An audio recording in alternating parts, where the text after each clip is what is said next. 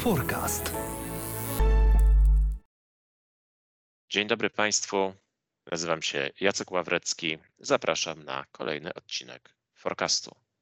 Moim gościem dzisiaj jest Filip Kowalik, dziennikarz magazynu Forbes, redaktor naczelny portalu Miasto 2077 oraz ekspert w dziedzinie gospodarki obiegu zamkniętego, ekologii, przyszłości miast. Dzień dobry. Witam serdecznie. E, dziś chciałbym porozmawiać z Tobą o spalaniu odpadów. A właściwie może nie tyle samym spalaniu odpadów, co o gospodarce obiegu zamkniętego e, i o tym, e, co z tymi odpadami robić. Dużo kontrowersji się pojawia. Niektórzy mówią, że rozwiązaniem jest przetwarzanie odpadów, recykling, a inni mówią, że e, tak naprawdę nie jesteśmy w stanie wszystkiego przetworzyć. Do tej pory mnóstwo odpadów e, w Polsce trafiało na wysypiska. Jak to jest? Spalać, nie spalać, poddawać recyklingowi? Jak to wygląda ze strony e, zarówno polityki odpadowej, jak i po prostu dobrych praktyk? Mhm.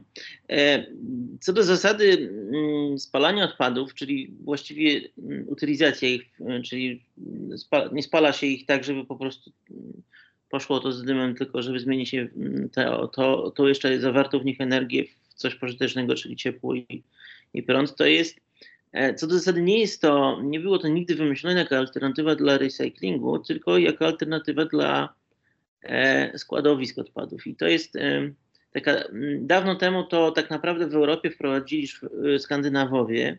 Oni jako pierwsi zaczęli likwidować y, y, składowiska śmieci i tworzyć w elektrociepłowniach, mm, elektrociepłownie napędzane właśnie na, na paliwo wynikające, tworzone w oparciu o odpady.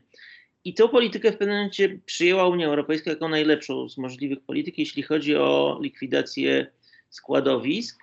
No i i taką też y, linię zastosowano do wszystkich. I ja pamiętam, jak my żeśmy wchodzili w 2004 roku do e, Unii Europejskiej, to po pierwsze były kraje, które wciąż y, i tam były pewne normy narzucone, że każdy musiał przejść. Ja pamiętam, jak Francja dostawała ogromne kary, dlatego że nie zrobiła tego jeszcze i cały czas w połowie poprzedniej, e, około 2005 dostała duże kary za to, że nie uruchomiła tych ty, tylu instalacji do utylizacji odpadów, ile trzeba było.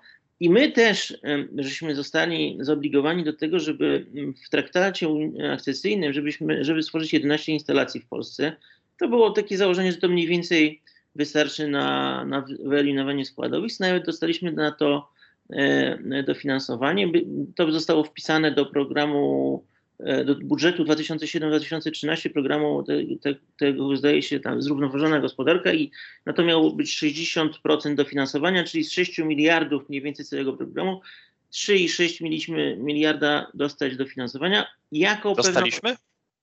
No nie dostaliśmy, no bo nie zrobiliśmy tych e, e, spalarni. Te spalarnie od razu, e, jak to, jak to, jak to e, można było się domyśleć, od razu spotkały się z dużym oporem społecznym burmistrzowie, prezydenci, raczej prezydenci, bo to były duże miasta, e, nie chcieli się narażać mieszkańcom. Z drugiej strony trochę było wytłumaczenie, bo był jeszcze system, problem był z, e, taki prawny, legislacyjno-prawny związany z tym, że nie było statusu, kto jest właścicielem śmieci, odpadów i właściwie były nim firmy, które wywoziły go, a kto, jeśli ktoś robi taką instalację, to musi mieć jednak pewność, umowę z miastem podpisać na to, że będzie miał odpowiednią ilość E, e, wsadu, dlatego w jakiś sposób to się przeciągało, przeciągało, no i, i wyszło tak, że straciliśmy możliwość dosfinansowania, a, a e, prawo się nowe niby pojawiło, ale było bardzo niewielu chętnych, e, którzy, którzy chcieli zrobić te, te, te, te, te instalacje. Jako pierwszy zrobił Poznań, to był 2000, e, to był 2013 rok, kiedy oni zaczynali robić ten projekt, czyli tuż po tym horyzoncie, w którym to miało być. I, i tak po, po kolei jedna, drugie, kolejne duże miasta właściwie wypełniamy teraz z dużym opóźnieniem, e, ale to wynika tak naprawdę, że my mamy tak czy owak zobowiązanie związane z likwidacją e, składowisk i to, czy my czy my żeśmy się spóźnili z tym wszystkim, ale i tak musimy to zrobić, no bo z tymi składowiskami coś trzeba zrobić. Ale czy to nie jest tak, że w takim razie my idziemy w starą technologię, że być może powinniśmy ten etap przeskoczyć, być może powinniśmy e, iść w kierunku, nie wiem, kompostowania śmieci, e, być może powinniśmy iść e, w kierunku rozwijania technologii powtórnego wykorzystania tych odpadów, recyklingu, a my w tej chwili idziemy w technologię, która no, już jest rozwinięta, a niektórzy mówią nawet, że ona jest przestarzała. Znaczy, no, no ona jest bardzo klasyczna. No, spalanie jest, że tak powiem, nie jest niczym nowym. Tu chodzi raczej o to, co jesteśmy w stanie zrobić, a czego nie. Ja pamiętam, jak San Francisco na dużą skalę próbowało zrobić bardzo masowy projekt e, kompostowania, ale niestety to się nie udaje. Między innymi jedną z kluczowych e, kwestii jest to, że musimy mieć naprawdę dobrej jakości surowiec do tego kompostowania. To nie jest tak, że to, co mamy w odpadach zmieszanych, wrzucimy na kompost. Przecież zresztą w Polsce powstała frakcja oddzielna odpady, te, które się da kompostować, a oddzielne odpady zmieszane, których się nie dało kompostować. Zresztą to już są, z kompostowaniem to też jest problem i też są przepisy sanitarne związane z tym, bo w Polsce na przykład się nie kompostuje odpadów e, e, zwierzęcych, tylko roślinne, w innych krajach trochę jest to inaczej, ale w każdym razie chodzi o to, że kompostowanie jest, jakąś, jest jakimś rozwiązaniem, ale tylko dla E, części, e, części odpadów. E, one mogą trafiać też do biogazowni wówczas i, i wykorzystywane do produkcji metanu, ale co do zasady chodzi o to, że nie, bardzo pewnie jest taka możliwość. Ja nawet pamiętam, taka była historia takiego japońskiego miasteczka Kamikatsu. Ono się chwaliło tym, że właściwie tam jest 99% odzysku. E, tylko, że i, i, tu jest, i to pokazuje, że i to jest bardzo często zresztą przez, przez e, stowarzyszenia zero waste'owe pokazywany jest ten przykład. E, tylko, że to po pierwsze było małe miasteczko na 5 tysięcy osób, poza tym oni rozdzielali odpady na 50 frakcji. E, wyobraźmy sobie teraz 50 frakcji.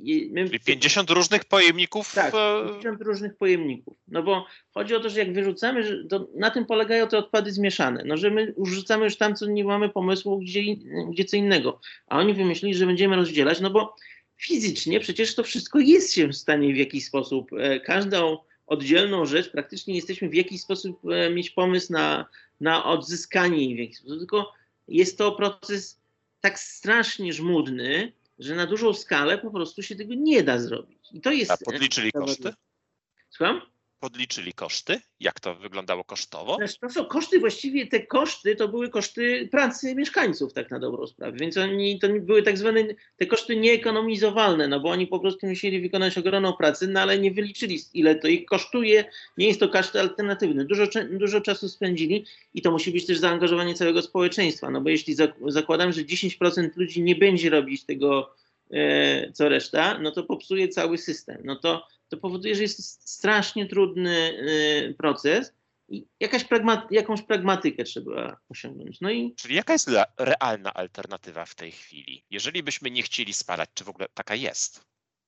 Mm, no, alternatywą jest tak na dobrą sprawę składowanie. No i zastanawianie się, może za ileś lat będziemy mogli coś z tym zrobić, no ale e, przypominam, że co się dzieje obecnie ze składowiskami. Mamy około 100 składowisk dużych do likwidacji. I to jest to jest e, inwestycja rzędu kilku miliardów złotych. W ciągu do końca tej dekady muszą miasta je polikwidować. Miasta teraz wydają ogromne pieniądze na to, żeby likwidować te składowiska, więc e, bo to jest, tam na tych składowiskach są naprawdę bardzo różne rzeczy. No bo jak i, i, i, i to już i, i firmy, które się tym zajmują, naprawdę nie, już tu nie prowadzą E, segregacji tych śmieci, bo to już jest zbyt, zbyt stare, zbyt złożone i zbyt trudne. To jest po prostu już i tak spalane, tak na dobrą sprawę, więc e, możemy mieć albo się pogodzić z tym, że będziemy trzymać wszystko na składowiskach i może coś kiedyś z tego e, wyjdzie, albo będziemy mieć wtedy wówczas taką perspektywę jak w filmie Wally, tak?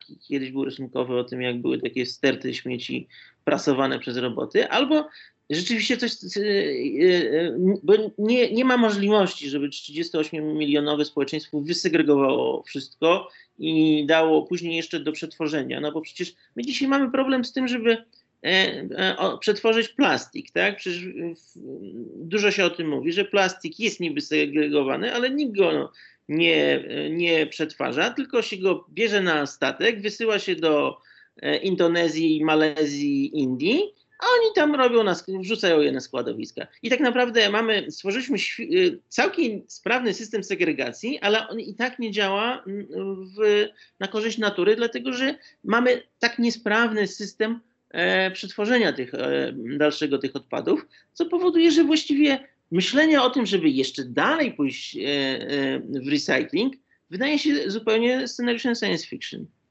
Jak to jest ze szkodliwością e, elektrociepłowni opalanych od, paliwem z odpadów albo spalarni e, dla środowiska? Czy ta technologia obciąża środowisko? Jak to się ma na przykład w porównaniu do tej alternatywy, o której wspomniałeś, czyli do, e, do składowania? No składowanie to my wiemy, jak mniej więcej ma ryzyko. Składowanie to jest przede wszystkim ogromne ryzyko związane z pożarami. E, I to jest tak, że u nas bardzo rosło. Ja e, pamiętam, był taki, e, to jest w 2018 mieliśmy podwojenie, 242 pożary składowisk były, no i to wtedy jest naprawdę taka hekatomba, no bo to pali się wszystko, co tam jest, mogą być to plastikowe okna, mogą być to opony, mogą być to normalne odpady komunalne, no to co ludzie wrzucą. I wtedy, i to po prostu, no każdy to widzi, i że jest po prostu ciem, czarna, czarny, czarny dym i, i, to jest, i to jest po prostu taki bezpośredni transfer do środowiska i dlatego między innymi e, e, zdecydowano, że składowiska muszą e, przestać funkcjonować.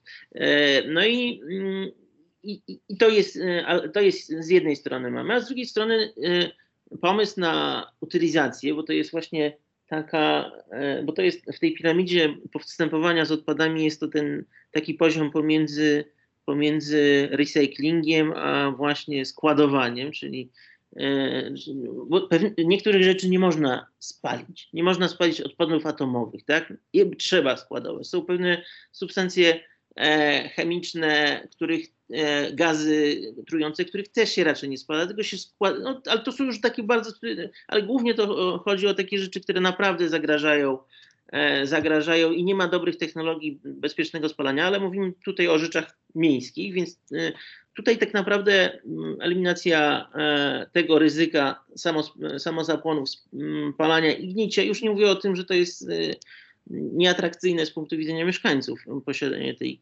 takiej E, takiego składowiska, no to jest właśnie spalanie ich w, w miarę, to, jest, to ma trzy zalety. Tak? Po pierwsze, cywilizujemy proces. E, I tutaj jest tak, że dobrym przykładem jest Poznań, bo ja pamiętam, jak Poznań jako, że pierwszy, wracam do tego przykładu, bo jest pierwszym dużym polskim projektem i też jest najlepiej przez to badany. Ja pamiętam, jak mm, Wojewódzka e, Inspekcja Ochrony Środowiska zrobiła tam badania po po dwóch latach od uruchomienia, jak już pełną parą działał w 2018, to wyszło, że oni, bo taka instalacja ma jakiś tam poziom, normę, którą może, e, w której się może zmieścić. Okazało się, że oni wypełniali 3% tej normy, czyli e, spalali 30 razy, znaczy tą normę mieli 30 razy mniej niż by mogli ewentualnie. Tak, tak. I to, i to polegało, to pokazywało, jaka jest tak na dobrą sprawę E, e, skuteczność. Znaczy, bo wiadomo, że to jest bardzo nowoczesne technologie. To jest trochę tak jak z, z elektrowniami atomowymi. E, w, jak się stosuje taką rzecz, która jest traktowana jako ryzykowna, to się stosuje zawsze bardzo dużo zabezpieczeń, systemów takich, żeby przypadkiem nie było żadnych skażeń, żadnych emisji. Dlatego są bardzo wysokie normy związane z z filtracją przede wszystkim tego powietrza. Tak, o wiele wyższe niż w przypadku chociażby elektrowni czy elektrociepłowni węglowych. No tak, właśnie i, i to na tym właśnie to na tym polega, bo jest to rzecz, która jest e, traktowana jako wiek, wiek, coś, co społeczeństwo czego się obawia, tak? tak są, więc dlatego my stworzymy tutaj takie e, restrykcje, żeby nie było e, żadnych e, ma, marginesu jakiegoś, jakiegoś ryzyka. No więc to jest E, to jest jedna rzecz związana z tym, czyli taka cywilizowanie procesu.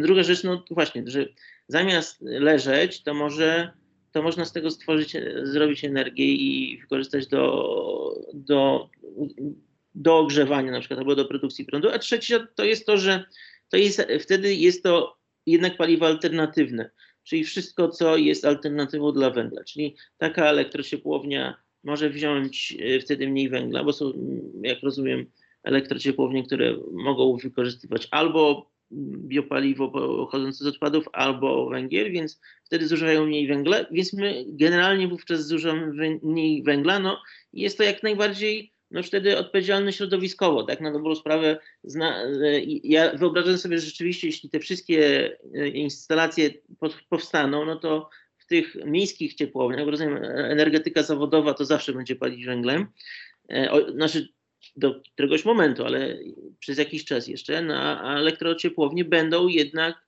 w znacznym stopniu miejskie opalane, w jakimś tam stopniu będą opalane E, odpadami, które są też surowcem miejscowym, tak, czyli pochodzącym z tego samego miejsca, źródło lokalne, więc zupełnie, zupełnie dobrze. A jak to wygląda na świecie? Bo tak, e, tak jak wspomniałeś, mieszkańcy no, Polsce nie byli zachwyceni tymi e, perspektywą e, powstania takich instalacji e, w momencie, kiedy my właściwie byliśmy zobowiązani przez Unię do, do ich budowy. Natomiast no, na, świecie, na świecie ta technologia jest wykorzystywana od lat 70., czyli jakieś już doświadczenia mamy. Masz jakieś przykłady, jak to, jak to no. na świecie wyglądało, jeżeli chodzi o, o, o że tak powiem, faktyczne. Um, trudno mi powiedzieć uciążliwość, ale, ale, ale jakby faktyczne e, relacje z lokalną społecznością. Czy, czy, czy to była faktyczna niedogodność, e, czy, czy, czy, czy w jakiś sposób to zagrażało, czy w jakiś sposób e, wywoływało to no, dyskomfort? Nie, no to taka rzecz, to jest, znaczy ona generalnie zawsze się wiąże z jakimś sceptycyzmem społecznym, ale to po pierwsze jest tak, to jest trochę tak jak ja przypuszczam, że jakby ktoś chciał postawić nową elektrociepłownię w jakimś miejscu mm, we Wrocławiu, w Warszawie czy gdziekolwiek, to nie przypuszczam, żeby było duże poparcie społeczne na takiego. No generalnie ludzie czegoś takiego nie chcą. Ale e, na dobrą sprawę to należy patrzeć na to właśnie w ten sposób, że jest to kolejna, i tak ludzie pragmatycznie, bo e, czym to się różni od elektrociepłowni, że rozumiem, tam jest e, nie tylko spalanie, ale też kwestia jest tych odpadów. I pytanie jest, to też jest, rozumiem, to też są różne technologie, bo niektóre, niektórzy, nie, niektóre elektrociepłownie działają tak, że po prostu przy, przyjeżdżają kontenery z odpadami i są tam wsypywane, a są takie instalacje, rozumiem, i to jest ta, ten progres, że się już tego nie robi bardzo często, tylko robi się tak, że tam, gdzie są składowiska dzisiejsze, to tam się wytwarza ten, z tych odpadów tworzy się tak zwany RDF, czyli te, te, takie, w takich jakby spaczkowane te odpady i one są włożone trochę tak jak, jak, jak, jak inne e, bioodpady do, do, do spalarni. Więc mm, to, to, tu jest taki element, który mi się wydaje dzisiaj już jest lepiej rozwiązany. Na przykład jak, jak, jak byłem w Sztokholmie, w Hogdalen, to jednak tam mm, to jest taka dzielnica, w sumie dzielnica nawet e, całkiem przyjemna zielona, a tam jest elektrociepłownia z, o, o, ogrzewana odpadami i tam rzeczywiście podjeżdżają ciężarówki, znaczy takie, takie, takie, takie mm, ciężarówki z odpadami, ale e, nie, znaczy ja, ja pamiętam, fascynujące było to, że facet podjeżdża z tym, tym, tą ciężarówką i, i czeka na rozładunek i jeść kanapkę E, no bo to, to nie jest tak, że tam śmierdzi. To nie jest tak, że to jest taki, że to jest jakaś taka hekatomba. To nie jest. Nam się trochę kojarzy z takimi projektami typu y, produkcja klejów z kości, tak? Że i to był fetor na całą okolicę. Znaczy, to jest, są takie wyobrażenia trochę, że to są strasznie brudne technologie. E, a tak nie jest. I to jest, tu jest istotny element, żeby właśnie ludziom to tłumaczyć. Ja, bardzo mi się podobało to, co zrobił kiedyś Kraków który się szykował do tej instalacji. On rzeczywiście wziął tych, e, wziął różne grupy, wziął dziennikarzy, wziął e, samorządowców, mieszkańców, przedstawicieli e, radnych, ale przy, też przedstawicieli grup protestujących i zrobił taki tour po różnych tego typu instalacjach działających w Europie, w Niemczech i w Szwecji, bo oni też byli, będą wtedy w Sztokholmie. I oni się jednak przekonali, w, że to nie jest tak złe. W w Krakowie po tym całych takich, bo to było w ramach konsultacji społecznych zrobione taki, takie tury i takie były dyskusje i tam wyszło, że 90% ludzi, mieszkańców Krakowa popiera stworzenie, e, bo to było na Nowej Hucie stworzenie takiej e, elektrociepłowni zasilonej odpadami i co więcej nawet, a, a jeśli chodzi, bo to wiadomo, że to jest Kraków e, dla całego miasta, ale jeśli gdy zrobiono badania dotyczące samego, samych mieszkańców lokalnych, to i tak 60% e, osób e, było za. Więc to pokazało, że tak na dobrą sprawę to nie jest tak, że mm, pojawią się głosy protestu i to nas paraliżuje, tylko powinniśmy coś z tym zrobić i zacząć przekonywać. Poza tym głosy protestu to zawsze jest jakaś głos, one są bardzo dobrze słyszalne, ale czy one są e, całkiem reprezentatywne, tego nie wiemy, póki nie zbadamy tej, tych nastrojów ogólnospołecznych. No dobrze, czyli tak, w Krakowie e, pokazali inne e, lokalizacje. Zresztą my planujemy też e, takie wycieczki, takie, takie wyjazdy studyjne. Jak tylko pandemia pozwoli, planujemy też mieszkańców zaprosić na to, ich przedstawicieli. Zresztą ja sam byłem w, nie tylko w Hogdalen, ale, ale i w Kłajpedzie na przykład. Także rzeczywiście stojąc u sypu, a tam jest też elektrociepłownia, to nie będzie elektrociepłownia spalająca RDF, tylko tam jest też e, elektrociepłownia spalająca zmieszane odpady e, komunalne, a więc tak naprawdę można powiedzieć spalarnia. E, w, nic nie czuć z prostej przyczyny. Tam to powietrze jest zasycane do kotła, mhm. a więc jest delikatny wiaterek w kierunku bunkra i w kierunku kotła i, i absolutnie stojąc metr od krawędzi nic nie czuć. Metr. Mhm. Mhm. E, wewnątrz już w budynku przy, przy sypie. E, natomiast tak, no, nie unikniemy faktu, czy jakby nie możemy zignorować faktu, że jednak mieszkańcom się to e, nie podoba. Gdzie w takim razie lokować takie inwestycje? Powiem tak, nie wiem, czy zdajesz sobie sprawę, są niektóre miejscowości, które są nawet chętne przyjąć budowę elektrowni atomowej. Więc to jest zawsze pewien, pewna decyzja e, mieszkańców. Y, bardzo często oczywiście jest jakiś offset za tym idzie, tak, że mieszkańcy coś zamian za to dostają. Mm, e, czy dostają to inwestycje w infrastrukturę, w zieleń na przykład. Więc to jest tak, że czasami dostają niższe, niższe E, opłaty, więc to nie jest tak, że tego się w ogóle nie da zrobić. Znaczy, wydaje mi się, oczywiście najlepszym zawsze pomysłem jest robienie to w, w miejscach, gdzie już jest instalacja. E, I to jest najprostsze. To jest to, co się dzieje w Warszawie, czyli na siekierkach dosta, zostanie dostawiony blok nowy, gdzie będzie się e, palić e, e, e odpadami zmieszanymi, znaczy paliwem z odpadów zmieszanych, więc, więc to jest i tutaj trudno, właśnie i tutaj, no, ludziom to nie zmieni sytuacji specjalnie, no bo po prostu e, będą mieli e, większe, więk, rozbuduje się, są te siekierki, ale tak naprawdę one zawsze tam były. Dlatego to jest Ale będą mieli więcej ciężarówek, które dowożą. No bo skoro teraz było tam palone e, mniej paliwa, a jeszcze pewnie nie wiem akurat jak, jak, jak jest na siekierkach, czy, czy, one, czy tam węgiel był dowożony koleją, nie, pewnie koleją. Nie, nie koleją. To nie, nie jest. To, to nie ma kolei. Okej, okay. w każdym razie, w każdym razie, no dobrze, no to jednak ileś tam tych ciężarówek dziennie e, przyjedzie, mhm. których do tej pory nie było, no bo siłą rzeczy przecież e, nie zostanie ten nowy blok e, wybudowany jakby zamiast starego, tylko dostawiony, tak jak powiedziałeś. No tak, tylko że to jest pytanie właśnie to o lokalizację. No za, za, zakładam, że jeśli byśmy zrobili miejsce, gdzie rzeczywiście ciężarówki, bo po pierwsze ile tych ciężarówek jest, to jest zwykle e, to zależy od oczywiście wielkości tej instalacji. No my policzyliśmy u nas, tam będzie 6 na godzinę, mhm. E, wliczając to, już wliczając w to z górką razem, razem, z tymi, które jakiś popiół odbiorą i tak dalej. Czyli te, te, te z paliwem to będzie jakieś 3 na godzinę, jeszcze dorzucamy dla bezpieczeństwa jakby drugie 3 na właśnie jakieś inne, inne transporty. Okej, okay. czyli to jest jedna na 10 minut, tak? Że to jest, tak jest. Znaczy przy, y, przy ruchu samochodowym dla miasta na poziomie kilkuset tysięcy samochodów, rozumiem, to nie, bilansu to nie zaburza. Rozumiem, że to są większe pojazdy, ale na końcu to jest tak, że e, rozumiem, że to nie są, no dlatego się stawia zwykle je na, gdzieś na obrzeżach, gdzie jest małe zagęszczenie ludności, no żeby jak najmniejsze stworzyć oddziaływanie. I na końcu, no rozumiem, no proces polega na tym, że e, jeśli się ta ludność, e, jeśli się im zaproponuje, po, po, okaże się i dostaną jakiś, bo to na końcu jest, no bo to, to jest trochę tak, że no jeśli u mnie ma stanąć elektrownia, która będzie pracować dla całego miasta, to wypada tej osobie dać jakiś benefit. No bo umówmy się, no elektrownią, e, elektrociepłownią nie wzbogacamy nikomu krajobrazu. E, więc jakiś, jakiś offset się należy. No i jeśli się zaoferuje im to, to, to i to, oni powiedzą OK, no to nie widzę powodu, żeby, żeby, żeby czegoś takiego nie robić. No, żeby, tak czy owak to trzeba zrobić. Pytanie, kto będzie chciał przyjąć tego typu inwestycje?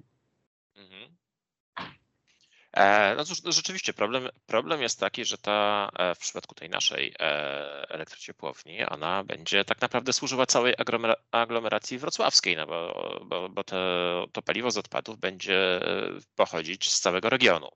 Mhm. Natomiast i, i to będą ewidentne korzyści, no bo to jest też kwestia kosztów tych, e, tej gospodarki odpadowej, które e, no, rosną strasznie, mhm. a dzięki takiej inwestycji ten wzrost może zostać wyhamowany.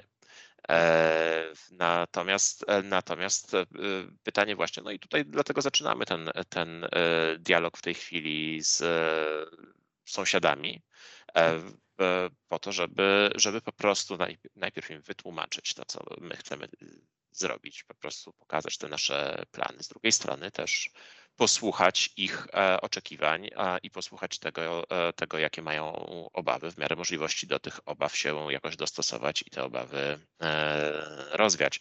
My jesteśmy na razie na wstępnym etapie, bo, bo Dopiero chwilę temu ogłosiliśmy e, tę lokalizację. Decyzji inwestycyjnej się nie spodziewamy w ciągu najbliższego roku, także to są jeszcze mhm. długie, długie miesiące, ale rozumiem, że z tego, co, co e, ty mówiłeś, to ten proces przebiega podobnie we wszystkich lokalizacjach, gdzie to było planowane i tak naprawdę, i tak naprawdę jest to kwestia otwartego dialogu i, i e, mieszkańców da się przekonać może nie do tego, żeby tę inwestycję pokochali, ale żeby ją zaakceptowali. Mhm.